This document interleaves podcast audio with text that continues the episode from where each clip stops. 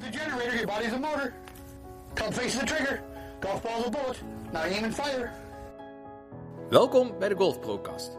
Vandaag spreek ik met Martijn van Oosterhout, fysieke coach en caddy van Lars van Nijl. Met hem bespreek ik een aantal onderwerpen die op dit moment de headlines domineren binnen het golf. En dat is uiteraard de enorme afstanden die er geslagen worden en of er iets tegen gedaan moet worden. What I try to do, I try to flat load my feet so I can snap load my power package. That way I can amplify both lag and drag pressure through impact fix. As long as my number two power accumulator doesn't break down, I can reach maximum centripetal force with minimum pivotal resistance. What? Bro, what are you talking about, man? Mijn naam is George Lemmens en leuk dat je weer luistert naar een nieuwe aflevering van de Golf Procast. Wanneer je golf een beetje volgt, dan is duidelijk wat de headlines op dit moment zijn. En dat is Bryson DeChambeau en de ongelooflijke afstanden die er geslagen worden. Waar sommige spelers misschien soort van stilgezeten hebben tijdens de hele lockdownperiode, zijn er altijd spelers die het spel opnieuw gaan uitvinden. En Bryson DeChambeau is natuurlijk degene die daar koploper van is. Hij is enorm bijgekomen, eigenlijk massa heeft hij erbij gekregen en is mede daardoor veel en veel verder gaan slaan. Daar wil ik graag dieper op ingaan. En Martijn van Oosterhout is de ideale gast om deze discussie mee te gaan voeren. Martijn is namelijk fysieke trainer van de toppers in Nederland. Daarnaast fysiotherapeut en caddy van Lars van Meijel. Vandaar dat we op een heerlijke zomeravond in de tuin bij Martijn hebben gezeten en 40 minuten hebben gesproken over die dominerende ontwikkeling binnen de golfsport.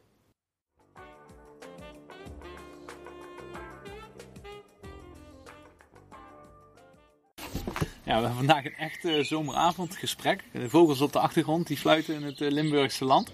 Martijn, eh, welkom. Leuk dat ik eh, bij je langs mag komen. Dankjewel. Ja. Ja, leuk. Hey, ehm, ik ben altijd toch wel benieuwd, eh, ja, de, de specialist die voor me zit. Wat is eigenlijk je achtergrond? Of hoe, hoe ben je in de golfsport terechtgekomen? Ehm, ik ben eigenlijk gaan golven door mijn vader ooit. Die, ehm, die nam mij mee naar de driver range en zo ben ik eigenlijk met golfing in aanraking gekomen. En ehm, tijdens mijn studie fysiotherapie heb ik ehm, samen met een, eh, met een hier eh, in Brunsum heb ik, eh, een soort talententeam opgericht. En, ehm, en daar zijn twee ja, talenten best wel goed van geworden. Ja, en zo ben ik in Eindhoven terechtgekomen. En ja, dat is denk ik nou 7,5 jaar geleden dat ik in Eindhoven ben begonnen. En ja, inmiddels hebben we een hele grote groep aan golfers van kinderen van 12 eh, tot en met eh, ja, spelers op de European Tour. Dus van Maar- alles en nog wat, ja. Maar, maar zelf ben je ook wel echt een goede golfer. En daar ga je even aan voorbij. Maar Ja. handicap is... nu- Nou, ik heb op papier, eh, ik denk drie nog iets. Maar ehm, ja, ik heb vroeger heel fanatiek eh, gegolfd. Maar ik heb de laatste jaren ehm, heel weinig zelf gespeeld. Natuurlijk, ja, op het werk best wel druk gehad. Eh, en ik heb ja, een aantal Ironmans gedaan, waar ik mijn tijd in heb gestoken. Dus eh, ja, ik moet zeggen, de laatste ronde van mij is vorig jaar eh, oktober geweest, denk ik. Dat is wel even geleden. Dat zijn wel herkenbare problemen. Hè? Als je, als, Ja. inderdaad, ze zeggen wel eens als je in de golfsport gaat werken, dan verlies je op zich je hobby. Maar Ja. voor die tijd dat je, dat je dat allemaal bent gaan doen, heb jij toen zelf wel de ambitie gehad om als speler ook eh, professional te gaan worden? Nou, ik, eh, ik heb inderdaad in de jeugd wel best, best goed gespeeld. Maar ehm, ja, ik wist wel eh, al heel snel dat er, eh, dat er andere jongens waren die veel beter waren dan dat ik dat was. Ehm, ik, volgens mijn laagste handicap is ook maar 2,1 of zo, of 2,2 heb ik gehaald. Ehm, maar ja, ik heb wel natuurlijk altijd in de jeugd altijd die toeren gespeeld. En daar ken ik nu ook heel veel spelers van eh, die, ik, ja, die ik nu zelf coach. Waaronder eh, Lars ook, ja. En toen je dan eh fysio werd, wist je toen vrij snel dat je weer terug zou gaan ook in de golfsport? Dat je daar zou Ja. specialiseren? Ja, ik heb heel snel, eigenlijk tijdens mijn opleiding fysiotherapie ben ik naar Amerika gegaan om de TPI-studies te doen. Ehm, en ik heb na de fysiotherapie in Keulen mijn master gehaald in manuele therapie. En ja, eigenlijk altijd wel ja, altijd wel bezig geweest met golf. Ja, zeker. Ja, en uh, ja, nu uh, dan uh, het huidige, wat er gebeurt. De, de headlines staan er eigenlijk vol van, van iedereen wat, wat golf volgt. En dat is toch wel de discussie over de afstanden. En met name sinds de laatste twee toernooien, de Charles Schwab Challenge en de RBC Heritage. Al was het iets minder, denk ik. Maar na ja. de eerste op Colonial met name kwam de discussie weer volop naar voren ja. betreffende de lengte daarin. Um, wat ten eerste eigenlijk, vind jij terecht dat daarover gediscussieerd wordt? Um, nou ja, ik denk vooral uh, de eerste week van PGA Tour lenen de baan zich ook ietsje meer voor. Kijk, deze week was uh, Town, wat natuurlijk best wel smal is en uh, ja, wat meer tactische baan, zeg maar. Dus ik ben wel benieuwd, um, ja, als je over Bryson praat, van ja, hoe ziet het dadelijk uit als ze op een baan komen waar, um, ja, waarbij afstand ja, want ik geloof nu, hij sloeg niet heel veel drivers uh, mm -hmm. nu. Maar als ik mijn baan komen wij ja, bij de driver echt een voordeel is, dan ben ik al benieuwd, ja, hoe, wat gaat het daar een verschil maken. Maar ja, het is zeker een, uh, ja, echt een hot topic, uh, het, ja, de afstand. En ik denk dat Bryson, ja, of dit het nieuwe normaal is, weet ik niet. Dat zal heel erg afhangen van hoe hij het de komende maanden gaat doen, denk ik. Maar ja, het is wel een trend die zich steeds blijft ja, die, blijft, die blijft gewoon doorgaan, ja. Ja, want de USGA die heeft echt wel een heel uitgebreid rapport uh, staat op internet. Dat is best wel makkelijk te vinden. En daar staan eigenlijk alle afstanden ook op die er sinds, ja eigenlijk al sinds 1900, maar dat is natuurlijk helemaal niet zo interessant. Maar laten we zeggen vanaf 1980 tot nu.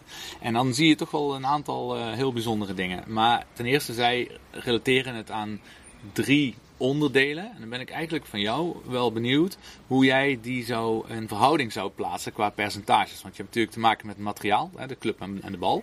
De speler zelf, de fysieke mogelijkheden van de spelers op dit moment.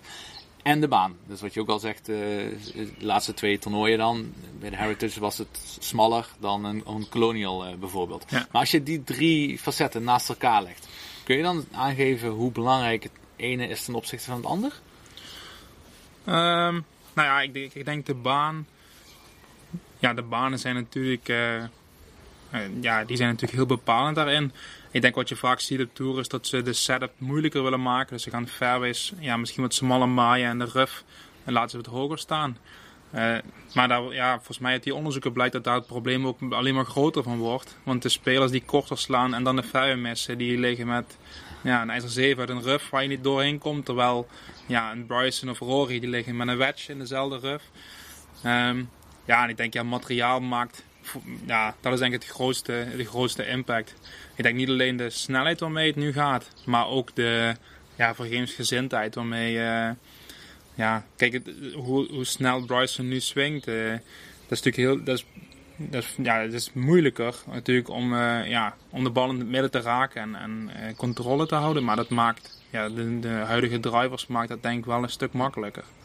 Ja, precies. Dat zag je ook in een mooi modelletje. Zag je ook precies staan de off-center hits, de heel hits of de toe hits. Welke afstand dat die nog steeds hadden ten opzichte van wat oudere drivers. Ja. Die verschillen zijn echt gigantisch. Hè? Ja, dat. Ja, ik denk ook. En ook, ja, ook niet alleen de afstand, maar ik denk ook de, de richting waar de bal eindigt. Nou, ik denk dat dat ook gewoon heel veel. Uh, ja, ik kan me voorstellen dat je nu bij een bal die niet in het midden geraakt is, kom je misschien nog redelijk weg. Terwijl ja, drivers waar uh, ja, ze vroeger mee speelden, in de tijd van Nicholas en zo, ja, daar, daar werd je denk ik harder afgestraft. Um, ja, als je de bal niet goed raakte. En daar zou natuurlijk, ja, de bal speelt ook een hele grote rol in. Ja, maar nu wordt gezegd van, ja, dat de bal misschien anders zou moeten om te voorkomen dat ze zover uh, kunnen gaan slaan. Maar zou je dan niet juist moeten kijken of je de driver misschien weer wat moeilijker uh, gaat maken? Ja, ja, ik denk, ja, dat is een hele goede vraag. Ja, ik denk, kijk, de bal, de bal is misschien makkelijker om, uh, om te doen. Hè? Want mhm. dan zeg je, ja, ik geef iedereen, moet gewoon, ja, een bal mag een bepaalde compressie hebben. Of ja, die moet veranderd worden. Maar ja, ik denk dat voor de, ja, ook voor de RNA een hele lastige, hele lastige vraagstuk is dus. En ook, het kan ook zijn dat je zegt, ja, dit is nou eenmaal het nieuwe golf. En ja, het zal ook ja, misschien blijft het ook wel zoals het, zoals het nu is. Ja, want het grappige is als je kijkt naar, naar die afstanden. Als je 1980 pakt, natuurlijk echt lang geleden is. Dat je gemiddeld op 240 tot 280 yards hè, bij, de, bij de pro's en eh, bij de heren dan een afstand. Dames was 200, 240 yards. En uh, nu, als je de, over Deschambeau praat, want hier wordt ook wel het meest over gesproken op dit moment. Die staat nu 321 yards uh, gemiddeld. Dat is natuurlijk wel echt bizar verschil. Maar daarnaast, de banen zijn wel ook 1000 yards langer dan dat ze in 1980 uh, bijvoorbeeld Ja. waren. Ja. Heft, dat heft elkaar toch al wel enigszins Ja, op? of- dat denk ik ook wel. Maar ik denk dat je dan weer een beetje terug gaat naar het, naar het punt dat het eh, ja, dat niet alleen de drivers veel, veel langer zijn geworden, maar dat het ook gewoon makkelijker is om hem te slaan. Ja. Ja, ik denk dat daar ook een heel groot deel van. Kijk, als je. Stel je voor, je zou met een bal die niet in het midden worden geraakt, heel hard worden afgestraft. Ja, dat, dat zou ook al misschien wat doen aan hoe hard willen spelers slaan. Ja, terwijl de drivers van nu, ja, of je die bal nou een dimpel naar links of naar, of naar rechts, ja, hij gaat vaak, eh, vind je hem, ja, hij gaat toch wel door het midden. Ik denk dat, dat, dat daar ook, eh, ik denk dat dat belangrijker misschien ook is aan de technologie dan zozeer, want je zei, wat je zelf zegt, de banen zijn langer, de spelers slaan verder, dus dat is wel misschien een verhouding. Maar ik denk vooral, ja, de makkelijkheid waarmee, eh, Ja. Waarmee de driver kan slaan, ik denk dat dat wel een groot ding is. Ja, want wat je in het begin trouwens niet zei, dat je natuurlijk ook caddy bent van eh, Lars van Meijel. Hè, Ja. Dat ben je ook eh, eigenlijk fulltime, hè, ben je caddy van Ja. eh, Lars op de, Ja. op de Europese Tour. Eh, ja, daardoor ben je natuurlijk ook wel heel anders naar het spelletje gaan kijken, denk ik. Ja, ja, dat was ook. eh, ik heb voor Lars eh, in zijn amateurcarrière heb ik eh, een paar keer KLM Open gecaddied en een keer National Open. Eh, en dat heb ik voor meer van mijn spelers gedaan die ik fysiek eh, begeleid ben. Met eh, Pascal Koffa vorig jaar nog mee geweest naar Spanje. Ik heb met Robbie van West een keer KLM Open gedaan. Met Max Albertus heb ik Q-School gedaan. Dus ja, ik, deed eigenlijk, ja, ik ging met die jongens mee en ik vond, ja, dat vond ik leuk. En zei, ja, Marty kan je ook caddien. en ehm, dus ik heb vorig jaar met Lars, zijn we toen, heeft hij gevraagd van, ja, kan jij drie, drie of vier weken kan je doen? Ehm, toen had hij net die stars gekregen eigenlijk op de Challenge Tour. Ehm, ja, en dat ging eigenlijk zo goed dat we toen een seizoen hebben afgemaakt. Maar, maar waar heb je zelf eh, vooral van geleerd of hoe anders ben jij gaan kijken nu naar eh, de banen? Ten opzichte van wat je daarvoor deed. Heb je er echt veel in moeten leren of was dat wel een handschoen die redelijk Nee. makkelijk paste? Eh, nee, hoe ik nu naar een baan kijk is... is ik heb een, een anderhalf jaar tijd wel, wel heel veel geleerd. Over, ja, over course management, over hoe je een hole benadert, eh, over ja, welk type schot je in welke situatie het beste kan slaan. En dat is ook een beetje mijn... eh, ik gebruik het altijd als we op tour zijn eh, en we zitten in de flight bij een hele ervaren caddy. Dan zei ik ook altijd van, oh ik ben eigenlijk de fysiotherapeut van hem, maar ik caddy ook nu. kan ik je na de ronde, kunnen we even zitten? Of eh, mag ik je wat dingetjes vragen van hoe kijk, jij, hoe kijk jij hiernaar? Of hoe, ja, hoe noteer jij dingen in je boekje? Dus ik probeer er altijd wel eh, ja, ook wat te leren van die, eh, van die mannen. Ja, dat is, ja, zeker. Dat is wel eh, heel gaaf. En ik denk ook wel belangrijk, want het is een vak wat je niet echt zomaar in een boekje kunt leren. Nee, nee, ik denk. nee, zeker niet. Ik denk dat wat heel belangrijk is, is de, ehm, ja, de samenwerking natuurlijk tussen jou en, en de speler. Maar het is zeker iets niet wat je. Ja, geen studie voor, zeg maar. En als je nu, eh, ja, je hebt heel veel eh, European Tourbanen ja, toch al gezien. Dan gaan Ja. er zeker nog veel meer bij komen als straks eh, weer meer toernooien gespeeld kunnen worden. Maar je hebt al heel veel gezien. Toch is er ook wel een verschil tussen de PGA Tourbanen en Amerika of Europa. Een paar dingen wat je dan ook ziet, is dat gemiddeld een Europese Tourbaan 500 yards korter is dan de PGA Tour eh, banen.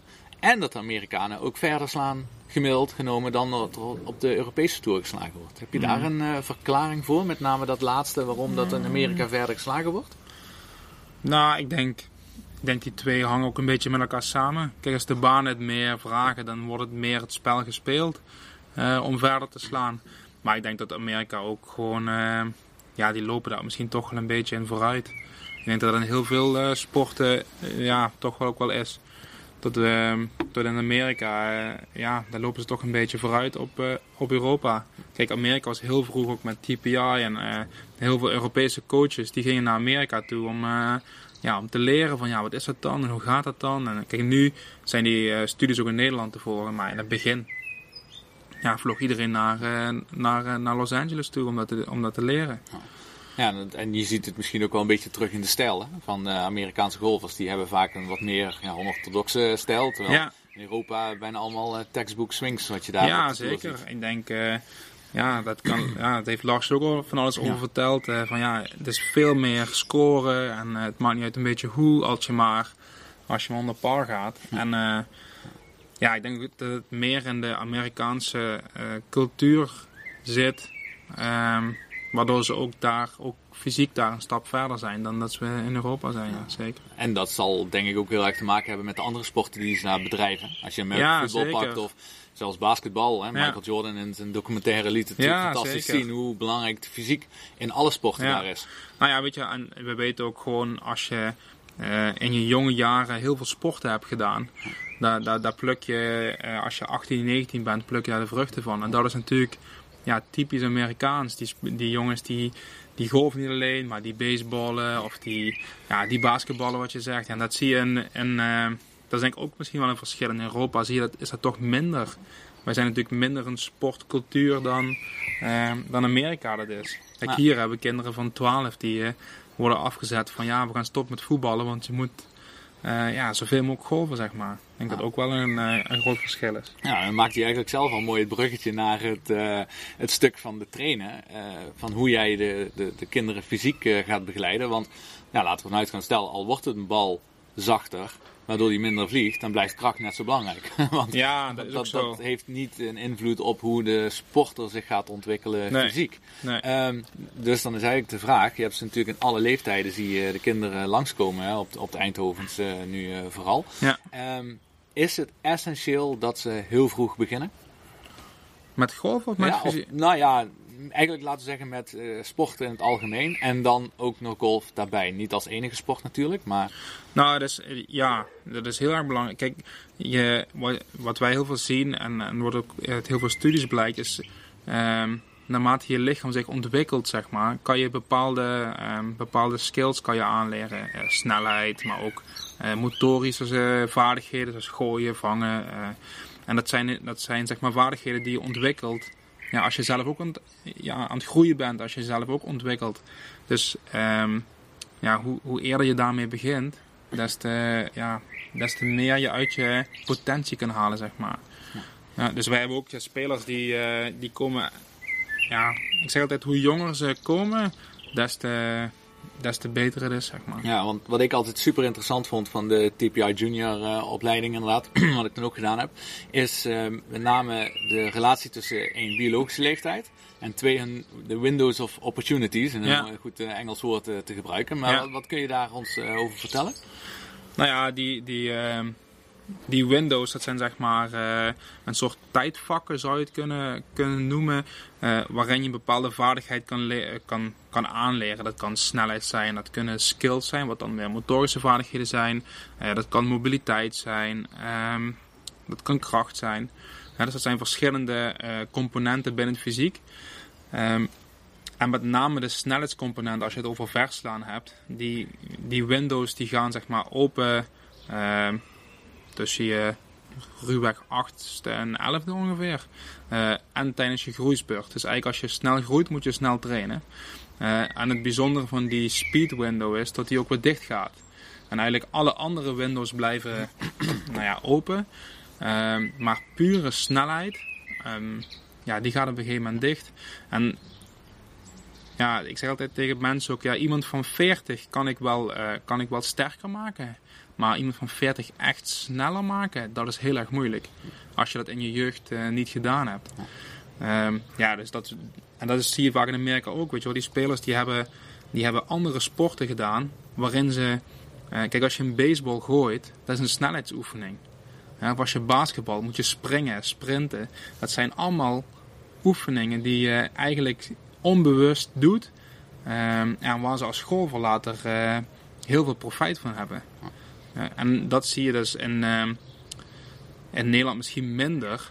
eh, dat spelers al heel jong voor golf kiezen en alleen maar, eh, ja, zich alleen maar focussen op golf. En daardoor minder die, die vaardigheden ontwikkelen, zeg maar. Ja, ja, dat, ja, dat klopt. Gelukkig is die omslag wel een beetje aan het komen. Ja, zeker. Ja, zeker. Dus wij doen ook als met spelers die we binnenkrijgen, dat is de, zeg maar, stel je voor je komt met 10 jaar binnen, nou dan meten we je biologische leeftijd, dat houden we altijd bij. Hoe doe je dat? Eh, je meet gewoon de lengte en je kijkt zeg maar, je biologische leeftijd is zeg maar de snelheid waarmee iemand groeit. Dus het zegt het is niet echt je kalenderleeftijd, maar ja, iemand van 14 kan al eh, zijn groeispurt gehad hebben of misschien er middenin zitten. Dus daar, op basis daarvan bepalen we het programma.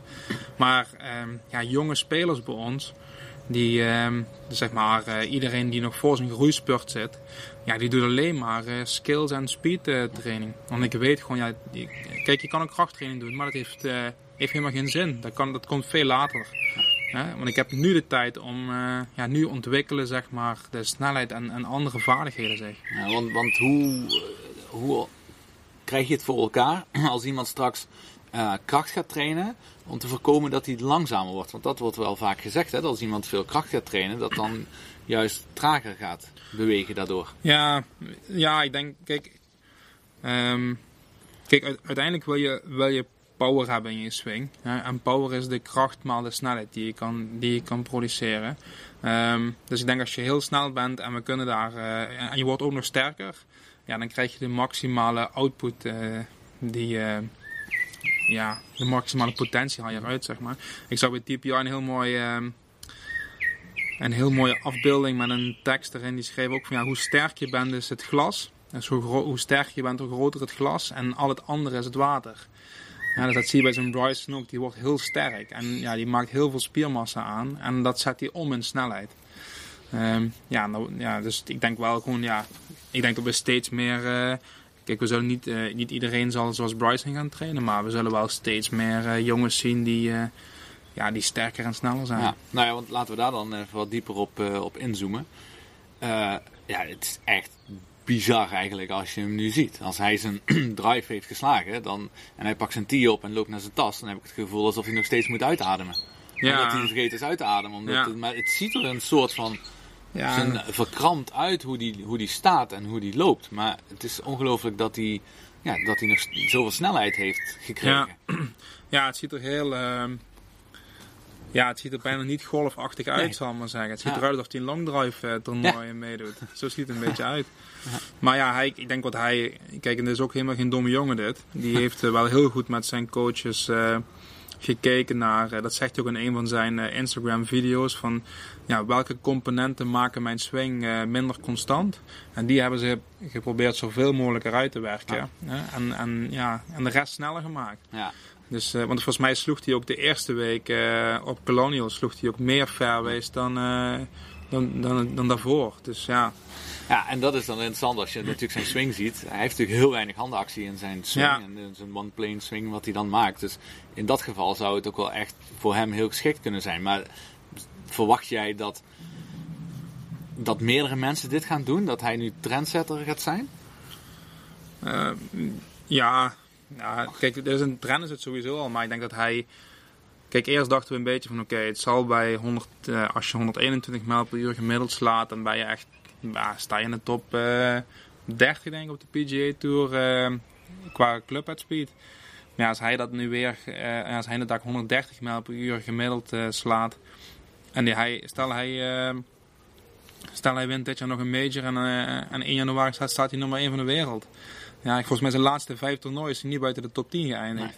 Dat klopt. Ja, dus, dus ik denk dat daar zal, ehm, ja, daar zal, ja, daar zal een deel van, eh, van, de, van de hype zeg maar, van afhangen. Mhm. Maar ja, wij vinden het zeker interessant en, en, en wij kijken ook wel echt naar zijn trainingsmethodes, hoe hij dat heeft gedaan. Want ja, Ja. ja. dat is wel gewoon echt een interessante eh, ontwikkeling. Zeg Ja, maar. maar is het echt wel ook belangrijk dat je zoveel ja, gaint, dat je zoveel eh, massa erbij krijgt? Even Ehm, als, als voorbeeld, hè. jij traint ook eh, Max Albertus. ja, En als, als je hem ziet, een vrij iel mannetje zal ik niet zeggen, want het is natuurlijk een topatleet. Maar hij, is, hij is niet, eh, niet breed of hij ziet er redelijk echt slank uh, ja, is hij gewoon afgetraind uit. Ja, Ja, precies. zeker. Maar uh, wat mij dan ook wel weer opvalt, uh, bijvoorbeeld op de Dutch tijdens KLM Open deed hij het heel goed. Ik heb een paar rondes met hem meegelopen toen voor de radio. En hij was nooit de kortste in de flight. Hij was echt zelf meestal Ja. gemiddeld langer dan zijn medespelers. En er zat ook een Chris Wood bij bijvoorbeeld. Zou, zou een, als, een Max Alberts als voorbeeld, zou hij daarvoor baat bij hebben om, om massa erbij te krijgen? Um, kijk, ja, Max is gewoon, eh, ja, Max is heel atletisch van zichzelf. Dat is ook een mooie, ja, mooie atleet, beweegt mooi. Ja. Dat is heel explosief. Klopt. Ehm, maar ik denk, ja, massa. Kijk, wat, er is natuurlijk een verschil tussen spiermassa en gewoon massa, massa, Ja. zeg maar.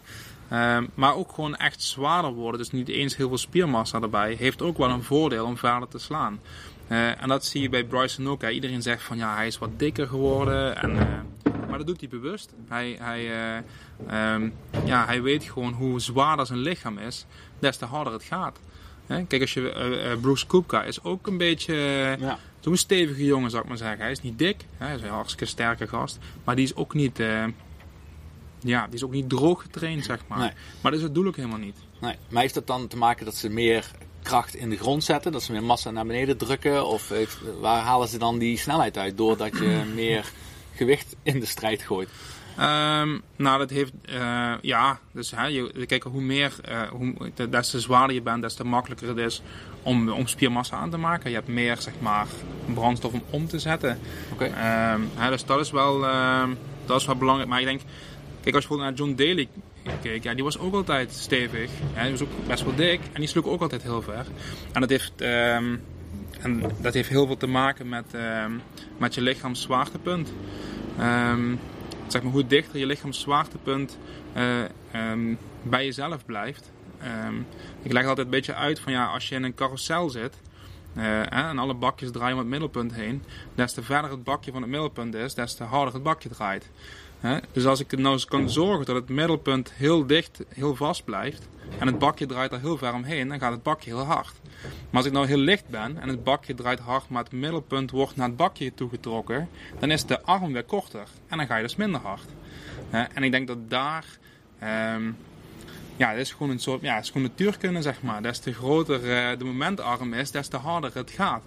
Eh, en ik denk dat dat ook een van de redenen is waarom je ehm, ja, bij die echte longhitters ziet, dat die ook gewoon eh, ja, wat zwaarder zijn zeg maar. Dus dat is wel een beetje wat, ik- bedoel zeg maar. Kijk, Mooi Bryson ja. eh, wil niet, Bryson wil, ja, hij, hij zal ook wel, hij zou eh, misschien 6 kilo vet kunnen verliezen. Ja, dan, Ja, want dan hij- ziet hij er voor het strand beter uit, maar hij weet gewoon, van, ja, ja, dit, dit is natuurlijk een, beetje een, een, ja, gek hè, qua, qua wetenschap. Dus ik denk dat hij het heel bewust gewoon heeft eh, gekeken van ja, ik wil gewoon massa hebben, zwaar worden. En de massa die ik maak, die zet ik om in snelheid. Ja. En helpt dat ook nog eh, met een betere balans voor hem? Om zo zwaar te zijn. Dat je Ja, gaat zijn zwaartepunt naar beneden? Of eh, helpt ja, dat om... ja, dat is een goede vraag. Ja, kijk, ik denk natuurlijk wel. Ja, het, het, schiet, het geeft wel natuurlijk misschien wat meer, wat meer stevigheid als je wat, als je wat zwaarder bent. Maar of ja, een betere balans? Ja, dat is een goede vraag. Maar ik denk wel, ja, ik denk wel dat hij bewust voor heeft Ja. gekozen om iets meer Ja. gewoon massa aan te maken dan, eh, dan puur spiermassa, Ja. zeg maar. En eh, kijk, een, een tijd eh, geleden, laten we zeggen 95 of zo, was Tiger Woods een soort van de, de, de eerste, de pionier die echt een topsporter werd en de krachthonk. Nou, die is natuurlijk ook wel, eh, heeft ook al de tol betaald natuurlijk met, zijn, eh, met eh, veel blessures de laatste tijd. Ehm, maar hoe anders wordt er tegenwoordig getraind ten opzichte van toen een Tiger Woods daarmee startte? Is daar een groot verschil in hoe er getraind wordt nu op kracht? Nou ja, Kid Tiger heeft wel gewoon de lijnen uitgezet. Nou is daar natuurlijk heel vroeg mee begonnen. En die heeft ook een heel groot verschil gemaakt. Dus ja, ik denk, denk sinds dat Tiger dit is gaan doen, eh, zijn we het... eh, ja, ik denk als Tiger niet had gedaan, had ik misschien deze functie niet eens gehad.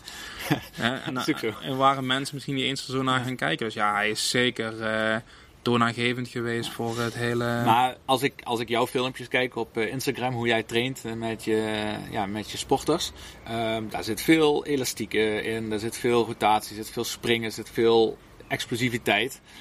Was, hij, was Tiger vroeger ook al op deze manier aan het trainen? Of was dit nog echt meer het, eh, het, het fitnessprogramma zoals je het gewend was van eh, met gewichten eh, trainen? Ja, ja wij trainen ook wel heel veel met gewicht hoor. Maar, Ja. maar ehm, nee, ik denk, ik denk zeg maar de programma's die nu allemaal voortvloeien, ehm daar, dat dit Tiger Woods denk, ik- denk ik ook al. Ja. Ik was ook enorm sterk met gewichten en ook heel explosief met, met balwerpen en zo. Ja. Ja. dat denk ik wel, ja. Ja, ben jij trouwens wel bang of denk je dat carrières eh, überhaupt korter gaan worden? Als je het vergelijkt met vroeger. Ja, die vraag krijg ik vaak. dat is een logische, op zich een logische vraag. Ja. Nou ja, kijk, het is natuurlijk het is gewoon een feit dat, dat hoe explosiever je iets doet, uh, des te sneller het kapot gaat. Um, dus ja, ik denk, dat, ik denk wel dat carrières uh, uh, zullen korter worden. Um, maar goed, dat zal ook niet voor iedereen zo zijn. Kijk, als je naar Phil Mickelson kijkt, die heeft ook best nog wat clubuitspiel erbij gekregen. Ja, die man, uh, ik weet niet hoe oud hij is, is over de 50 volgens ja. mij. Ja, die zit er nu tegenaan, ja. Ja, Klopt. ja die speelt ook nog mee. Dus, ehm, maar ja, kijk, blessures zullen, va zullen vaker voorkomen, denk ik.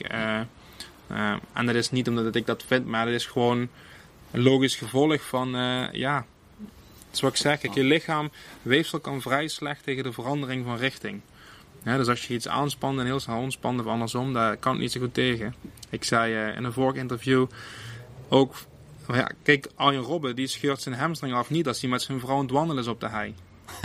He, die scheurt die hamstring af in een maximale sprint naar een bal toe. He, dus als die maximaal gaat, ja, als hij gaat joggen, scheurt hij hem niet af. Ja, het is gewoon een gegeven dat dat weefsel uh, zwaarder belast wordt uh, op het moment dat het heel explosief is. Ja. Ja, dat, ja, dat is gewoon zo, ja. En je kunt het tot een bepaald niveau kun je het uh, preventief prepareren op die inspanning. Maar je kunt het nooit helemaal doen natuurlijk. Nee, zeker. Ik denk als je een goed programma draait waarin je ook heel veel kijkt naar...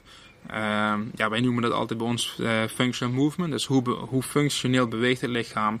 Uh, heb je genoeg mobiliteit? Heb je genoeg stabiliteit in je systeem? Um, ja, ben je ook sterk genoeg om, om, om de snelheid aan te kunnen, zeg maar?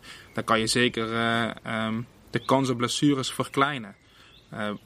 maar ja, de kans op blessures voorkomen, ja, dat is eigenlijk heel moeilijk. Kijk, als je naar Tiger Woods kijkt, die had het die had ook een heel goed medisch team om zich heen. Die had een hele goede fysiotherapeut en een goede chiropractor en een hele goede personal coach. Ja, hoeveel rugoperaties heeft hij gehad? Drie of vier, geloof ik. Ja, dus dan, dan ja. Ja. je hebt ook een heel goed programma gedraaid en toch geblesseerd geraakt. Um, ja, dus helemaal voorkomen. Ja. Ja, maar lijkt het misschien ook niet erop dat, uh, als je Tiger als voorbeeld pakt, hij was natuurlijk op zijn 17e, 18e, was hij dan al uh, wereldtop. Ja. En de generatie daarvoor, die kwam, werd pas wereldtop misschien rond zijn dertigste. En alle jongens, ja. als je nu ook kijkt op, uh, ja, op de, de World Rankings, ze zijn allemaal gewoon begin 20 of allemaal. Uh, er zijn heel veel die gewoon begin 20 Jongen, zijn. ja. Dus hun carrières beginnen al vroeger. Ja, ja zeker. En, ik, en ja, ik denk ook wel, ja, het heeft ook denk ik veel te maken met um, het vele reizen. Ja. Um, ja, heel veel toernooien. Ja, er zijn, ja, kijk nu voor de wereldtop, die, die kunnen wat selectiever zijn in hun kalender. Maar ja, voor de weg voordat je daar komt, als je bijvoorbeeld naar Lars kijkt, ja, je kan bijna niet zeggen van, uh, oh, ik sla eens even een weekje over. Ja? Ja. Dus als je, als je opkomend bent, dan moet je zoveel toernooien spelen om je ranking op te bouwen, zeg maar. Ja, ik denk dat daar zal ook zeker een factor, uh, Ja, een factor in zitten. Die vraag had ik inderdaad sowieso ook al. Dat zie je niet, niet alleen in andere sporten. Dus ik vind op, op tennisgebied vind je dat ook enorm, zie je dat enorm terug. Die gasten wat gewoon top 5 van de wereld staan, die hebben de keuze om te spelen. Terwijl als je net nou ja, kantje top 100 zit, en dat is bij golf en zeker op de Europese Tour niet anders. Ja, dan moet je bijna iedere week wel die belasting opzoeken, omdat iedere euro uh, telt om je kaart uh, te, te behalen. Ja. Um, ja, en want is in, in Nederland zie je dat misschien ook een beetje al. Want, want Joost Luiten die speelt natuurlijk ook niet iedere week. Die pakt ook meer zijn rustmomenten. Maar is dat een, juist het voordeel wat hij heeft omdat hij al die, die status heeft? Ja, kijk, bij Joost die weet gewoon, uh, voordat het seizoen begint, uh, weet hij dat hij iedere, iedere entrylist, uh, weet hij dat hij binnen zit. Dus hij zet gewoon zijn cirkels, denk ik, om, ze, om, om de Rolex trofies. En, en misschien een major als hij hoog genoeg staat op de wereldranglijst. Uh, ja, en ik denk daaromheen bouwt dus een seizoen. Ja. Ja, maar als ik bijvoorbeeld naar Lars kijk, uh, ja, als je uh, kijkt voor, voor zeg maar 60% van de toernooien weet je wel, oké, okay, daar kom ik wel in. maar er zijn ook een heel aantal toernooien waar je dat niet zeker weet. Ja. Dus je moet, die toernooien die je inkomt, die moet je gewoon spelen. Om je ranking op te bouwen. Ja, ja zeker. Ja, precies. Ja dat, ja, dat is een groot verschil. Maakt het dan daardoor ook extra moeilijk vaak voor die... Uh, de, de, de startende, zeg maar de eerstejaars, de rookies, maakt dat het ook extra moeilijk om, om door te breken? Ja, zeker. Kijk, ik denk dat heeft alleen al, het is alleen al moeilijker, omdat je al die Rolex-trofies niet inkomt. Ja. Ja, dus je moet je ranking opbouwen in de relatief kleine toernooien. Eh, bijvoorbeeld als je naar Lars een seizoen vorig jaar eh, eh, kijkt. Die, op Challenge Tour heeft hij denk ik 17, 18 events gespeeld. En ja, ik denk 22 weken of zo. 23 weken. Ehm, nou, na de finale in Mallorca naar huis gegaan. Ehm, en toen gingen we een paar dagen later al naar Spanje toe. Naar Final Stage voor Q-School. Waar je dan ineens een kaart pakt.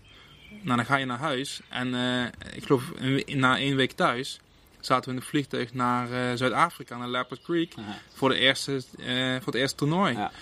en ja, toen heb ik kerst al nu thuis, maar de eerste week januari zaten we in een vliegtuig naar Johannesburg voor SE Open. En we zijn naar Australië ja, voor geweest. week naar Australië. Eén week naar Australië, hè, voor een relatief klein toernooi. um, maar ja, dat is wat ik zeg, je weet gewoon van ja, je kan, ja, je kan het gewoon niet permitteren om te zeggen van, en dat bijvoorbeeld met een Luiten, die speelt Race Dubai uh, finale die, um, ja, ik geloof ook in november ergens eindigt. Uh, ja, en daarna zie je hem eigenlijk ja. tot aan uh, februari, maart. Hè, dan heb je een beetje Qatar De Desert Swing ja. is het weer echt. Hè? Ja, Saudi-Arabië, Abu Dhabi, hè, die, die pakt hij natuurlijk Dubai, mee. dus daar begint hij dan een beetje. Dus hij, ja, als je, ja, als je veel selectiever kan zijn, kan je ook echt een soort off-season een beetje creëren, zeg maar. Ja, dat is natuurlijk voor de mensen die net beginnen, is dat, is dat veel moeilijker. Zeker. Ja, ja, er is weinig aan te doen. Hè. Dat is natuurlijk wel de uitdaging. Maar het is wel, ja, uh, is ook wel mooi om dat van die, die kant ook te belichten. Hè. Dat het ook al echt duidelijk is dat het echt heel moeilijk is om er doorheen uh, te komen. Ja. ja, weet je, nou, kijk, als je één keer, uh, als je één keer in de top 110 bent geëindigd van de race in Dubai, dan krijg je categorie 10, geloof ik. En dan weet je gewoon het jaar daarna, ja, kom je wel overal in. Mm -hmm. Dus dat is ook de moeilijkheid van het eerste seizoen. Nou. Um, en dat zie je ook wel.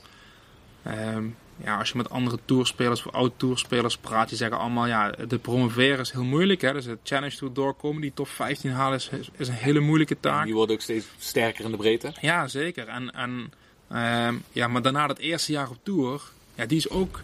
Ja, als je eigenlijk die twee jaren achter elkaar kan doorkomen en je zit er een soort van, van in en je kan het, ja, dit tweede jaar op de Tour kan je, kan je al je wedstrijden uitzoeken. Je kan alle Rolex trofies spelen en zo. Ja, dan, dan wordt het wel makkelijker, denk ik. Ja, zeker. en als laatste, waar ik echt ook nog wel een beetje benieuwd naar ben, is um, zo'n zo'n routine van uh, Lars even als voorbeeld, omdat jullie natuurlijk samen ja, de wereld over reizen. Je ziet nog steeds, ja goed, amateurs is een heel ander uh, verhaal, maar je ziet nog steeds mensen gewoon een auto uh, parkeren, tas uit de kofferbak en meteen die driver op de eerste tee wegslaan. En op de European Tour, ja, iedereen weet natuurlijk wel dat ze even warm slaan. Maar het gaat veel verder dan dat. Hè. Kun jij een beetje omschrijven hoe zo'n dag eruit ziet? Uh, stel, stel, je pakt de donderdag, hè, de eerste dag van het uh, toernooi. Wat, wat gebeurt er al wel überhaupt voordat een Lars op die eerste tee staat? Um, ja, dat is natuurlijk uh, een beetje afhankelijk van de starttijd hè, die we hebben. Ja. Um, maar ja, laten we zeggen dat we in de ochtend starten, dan staan we meestal als we om 9 uur starten, dan staan we meestal een uur of uh, 6 uur, half 7 wel op. Uh, en dan uh, gaan we vaak eerst wat ontbijten. Um, en daarna uh, maak ik hem soms nog los. Dus soms behandel ik hem nog voor de ronde, maar dat is niet, bijna, dat doen we bijna nooit. Okay. Dus hij heeft eigenlijk zijn eigen zijn eigen warming-up, waarbij ik hem wel help, zeg maar. Ja, en, en voor training en zo, want maak je hem wel nog vaker los? Of is dat... Um, ja, op toernooi, als we samen op toernooi zijn, dan uh, doen we dat meestal een keer of twee, drie in de week, denk ik. Maar dan meer voor het toernooi? Ja, dus okay. meestal doen we, doen we de dinsdag, omdat we op maandag een lange reisdag hebben gehad. Ja. Dan doen we de dinsdag, dus voor, uh, voor of na de oefenronde. En dan de woensdag. Uh, en dan meestal... Um, ja, meestal een beetje op verzoek van Lars, zeg maar. Zal dat hij uh, na vrijdag zegt van... Uh, hey Marty, kan je eventjes uh, mijn rug nog een keer losmaken? Of, en, en op die manier bepalen jullie eigenlijk ook die donderdagochtend? Of jullie voor de start nog iets ja, maar, ja, ja, precies. Maar in basis voor een ronde heeft hij gewoon altijd zijn, zijn, zijn fysiek warming-up die we samen doen. dus er zit foamrollen in, daar zit stretches in, maar ook heel veel activatie. Uh, ik denk dat het ook super belangrijk is om je lichaam echt uh, ja, actief te maken voor de, act ja, voor de activiteit die je gaat doen, zeg maar. Um, ja, dus meestal beginnen we wel uh, een uur of twee voordat hij de baan in gaat, zeg maar. Um, en dan, ja, dan is het naar de range. eerst putten. we beginnen eerst met putten. En dan, ja, en zo werken we eigenlijk toe. putten, chippen, dan naar de range toe. En daar slaat Lars eh, per club twee ballen. Ehm, dus hij werkt zijn hele tas door, van lobwedge tot aan, tot aan driver. Eh, slaat hij ja, de wedges ietsje meer, maar de alle ijzers slaat hij maar twee ballen. En dat is ook een beetje om jezelf klaar te maken Ja. voor... ehm, Ja. ja, ook mentaal een beetje klaar te maken voor de wedstrijd. Hè. Kijk, als je gewoon een emmertje hebt liggen en je slaat eh 10 ijzer 7. Terwijl hij weet van, kijk, ik moet er twee slaan. Kijk, we kennen allemaal het gevoel op de range. Als die, ja, als die 7 die laatste niet goed is, pak je er nog eentje, zeg maar. Want je wilt toch een, ja, en ehm, ja, zo weer een bepaalde focus te krijgen in die, ehm, ja, in die, in die inspeelroutine, zeg maar. En dan, eh, en dan gaan we naar de titel, ja. Ja, Ja. oké. Dus van het... eh, en, en dan op die drive range, die wedges, is dat dan een beetje approaches of chippen, bunkerslagen? Doet hij dat ook nog van de Ja, van dus we beginnen zeg maar, ja, we doen meestal een half uur, 50 minuten ongeveer eh, putten. Eh, en daarna gaan we, doen we weer short game. Dus we bouwen eigenlijk, zeg maar, we beginnen klein en bouwen op. En ehm, eh, ja, short game is inderdaad eh, chipjes uit verschillende liggingen, rough, fairway, range. En eindigen de short game altijd met een paar bunkerschoten. En dan naar de range. Ehm, ja, dan werkt hij zijn tas omhoog Ja, van lob precies. wedge, sandwich. En dan na afloop van de ronde, als hij gespeeld heeft? Ehm, dan gaan we. Ehm, nou, eerst dat natuurlijk eventjes eh, even zitten, even lunchen. Even, eh, en dan ehm, ja, op de tour zijn we dan ook eh, bijna nooit samen. Omdat ja, ik moet naar de Caddy Lounge en Lars moet in de Players Lounge. Maar dat is, ook, eh, dat is ook prima. Dat is ook gewoon, ja, je hebt toch. ja, je bent al zes, zeven uur met elkaar bezig. En het is ook wel. ja, ook prima om Ja. even niet bij elkaar te zijn. Ehm, en dan na de ronde, ja, dan geeft Lars eigenlijk aan. een beetje van ja, oké, ik wil nog. Meestal ja, we slaan eigenlijk altijd wel ballen. Ehm, dus meestal doen we wel nog drie kwartier. ehm, ja, drie kwartier tot een uurtje wel eh, werken we nog wel op de range. En dan eh, ja, eindigen we al vaak nog met wat, eh, met wat, met wat putjes. Of we doen soms een uh, short game wedstrijd. Doen we gewoon ja, doen we een chipwedstrijdje tegen elkaar. Ehm, ja, dus zo zien de dagen er een beetje uit. Ja, Maar het is ook wel heel afhankelijk weer. Bijvoorbeeld eh, in Zuid-Afrika was het heel warm. Ja, goed, dan kies je er toch al snel voor. Oké, we moeten die, ehm, ja, we moeten die Ja. energie goed verdelen. En dan, dan zijn die sessies wat korter na de, na de ronde. Ehm, ja, dus je, ja, we kijken wel heel goed van oké, wat zijn omstandigheden. Wat, ehm, Ja, tuurlijk. ja, bijvoorbeeld als je bijvoorbeeld met ballen gaat slaan en, en het waait heel hard in de middag. Eh, ja, weet je, hoeveel zin heeft het dan om op een range te gaan staan als, je, Ja. ehm, als het heel hard waait? Eh, ja, dus we kijken wel echt een keer wat zijn de omstandigheden en wat, wat moeten we de dag erna doen en hoe gaan we die energie goed verdelen, zeg maar. Ja. Ja, Ja.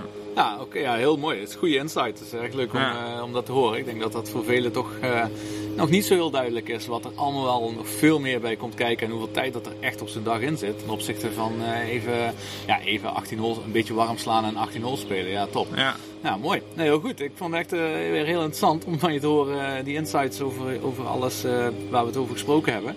Ehm goede timing ook, hè? Want we beginnen net de bladblazen te maaien achter ons. Is er nog iets wat je zelf nog wilt, kwijt wilt? Of een tip voor pro's, talenten of eh, teaching professionals?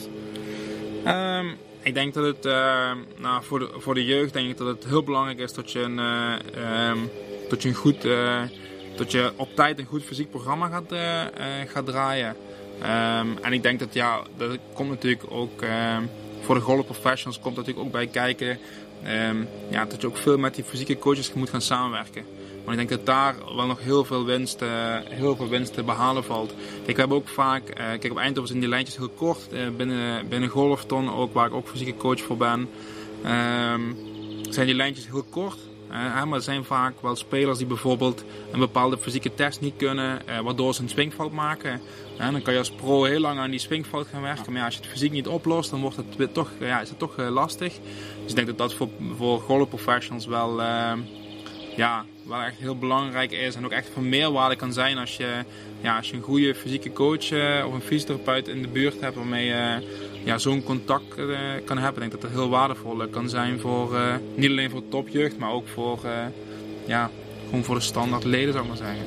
Ja. Nou, mooi. Hele goede afsluiter. Dankjewel Ja. Martijn voor je tijd. Ja, ook bedankt.